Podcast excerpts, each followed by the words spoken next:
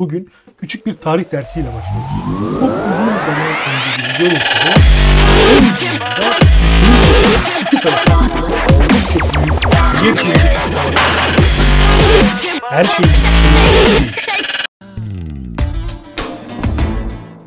Çok uzun zaman önce gibi görünse de 2017 yılında Bitcoin topluluğunun iki tarafı arasında oldukça büyük yepyeni bir iç savaş ortaya çıktı ve her şeyin gidişi değişti.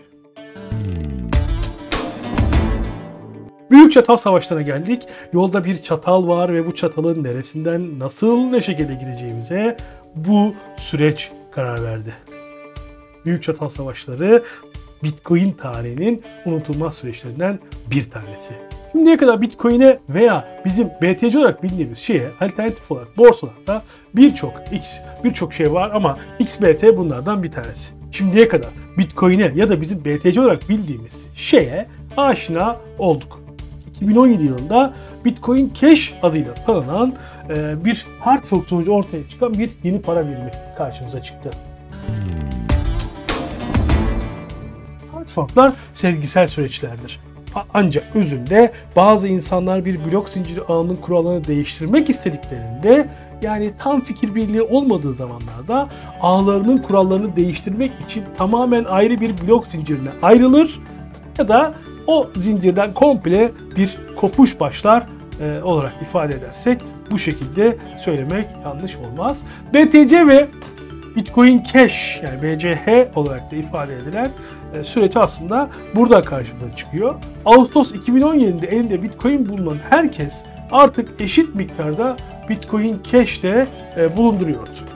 Topluluk yakın süreçte BTC'nin kazanan olacağına karar verdi ve bugünkü fiyat farkı ve hash oranı ile kanıtlandığı gibi süreç orada ayrım arttı ama ilk etapta çekişme neden çıkmıştı ona bir bakalım. Bugün birçok Bitcoin'ciye e, Bitcoin'in ölçekleme sorunu hakkında ne düşündüklerini sorarsanız gırdarlar ve size Bitcoin'in ölçekleme sorunu olmadığını söylerler. Ölçeklendirme konusu tartışmalı olarak, sorunlu olarak hayatımızda kalsa da altında yatan gerçek hala aynı.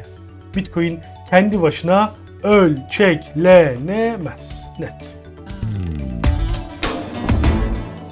Eğer dünya bunu benimseyecekse çözümlerde ihtiyacı olduğu aşikar. Yarın eşler arası nakit olarak kullanılmak üzere Bitcoin'i ölçeklendirmek için katmanlı çözümleri gözden geçireceğimizi e, şimdiden ifade edeyim size. Ancak bugün Bitcoin Cash'in blok zincirinde Bitcoin'i doğal olarak nasıl ölçeklendirmeye çalıştığını ele alacağız. Peki, blok boyutu tartışması üzerine bir bakalım.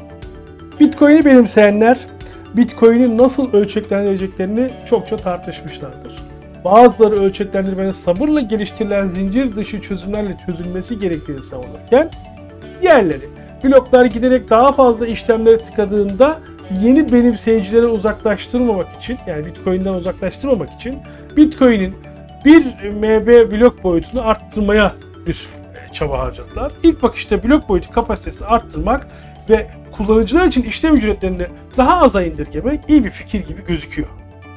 Aslında şu an söylerken bile e, muhtemelen birçoğunuz ne güzel bir şey dediniz. Ancak bu rotada ilerlemek daha pahalı ve karmaşık donanımlar gerektirecek ve bireysel kullanıcıların hatta büyük şirketlerin aksine bireysel kullanıcıların blokları kendi düğümleriyle doğrulayabilmesini daha az erişilebilir hale getirecek. Yani işi zorlaştıracak ve daha merkezi bir yapıya dönüştürecekti. Blok boyutu arttıkça tam düğümlerin blokları verimli bir şekilde doğrulaması daha zor hale geliyor. E, bu sebeple de çalışan düğümler için giriş engeli artıyor ve Bitcoin'i daha az merkezi olmayan hale getiriyor. Yani merkezi yapıyı dönüştürüyor. Ne yapacak? Örnek veriyorum diğer yoldan gidilseydi o tarihte bugün işte Bitcoin 01 AŞ, Bitcoin 02 AŞ gibi şirketler merkezi yapılara hizmet eden, fatura kesen, vergi veren şirketler bu alanda hizmetler sağlamak zorunda kalacaklar. Ya da biz Bitcoin ağının çalışması için onlardan hizmet almak zorunda kalacaktık. Bitcoin ölçeklenmeli ancak bunu güvenli ve merkeziyetçilikten, merkeziyetçi olmamaktan ödün vermeden yapması gerektiği aşikar. Bitcoin toplumundaki bu çekişme nedeniyle daha büyük bir blok boyutu için baskı yapanlar blok boyutunu 1'den 32'ye çıkartıp yeni bir Bitcoin hard fork'u oluşturarak Bitcoin Cash sürecini başlatmış oldular. Ne yazık ki Bitcoin Cash topluluğu için son birkaç yılda onu alaka düzeyinin dışına çıkardı ve işler beklediği gibi gitmedi. Bugün hala birçok Bitcoin Cash savunucusu olsa da genel olarak topluluk e, pazar hakimiyeti ve Bitcoin ağına adanmış madencilik gücüyle kanıtlandığı için e, kazananı Bitcoin olarak ifade ediyor. Peki sadece bu hard fork mu var? Hayır. Yıllar boyunca farklı kripto para birimlerinden çok daha fazla hard fork çıkmış oldu. E, Bitcoin çünkü artık çok daha fazla para birimi var. Bugün 20 bine yakın para birimden bahsediyoruz. Ben bu podcast serisine başladığımda bu sayıları 8, 10 bin, 12 binlerde ifade ediyorduk. Şu an 20 binlerden bahsediyoruz. Ee, Bitcoin'in en popüler çatallarından biri yine Litecoin oldu.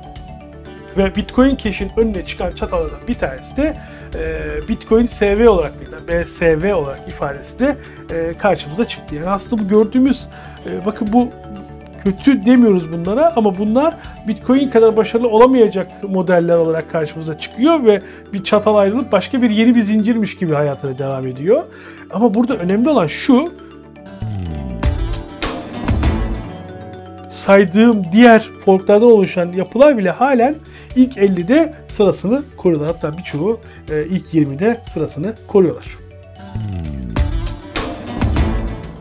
Tipik olarak hard forklar blok boyutu veya yeni bir blok madenciliği için gereken süre gibi mevcut bir protokolün kurallarından memnun olmayanlardan kaynaklanıyor. Yani belli bir kuraldan memnun olmayan insanlar hop başka bir zincir oluşturabiliyorlar. Bu kadar da şeffaf ve merkezi yapılarda olsa bunu yapamazsınız. Yani şey diyemezsiniz. E, TL kullanıyoruz.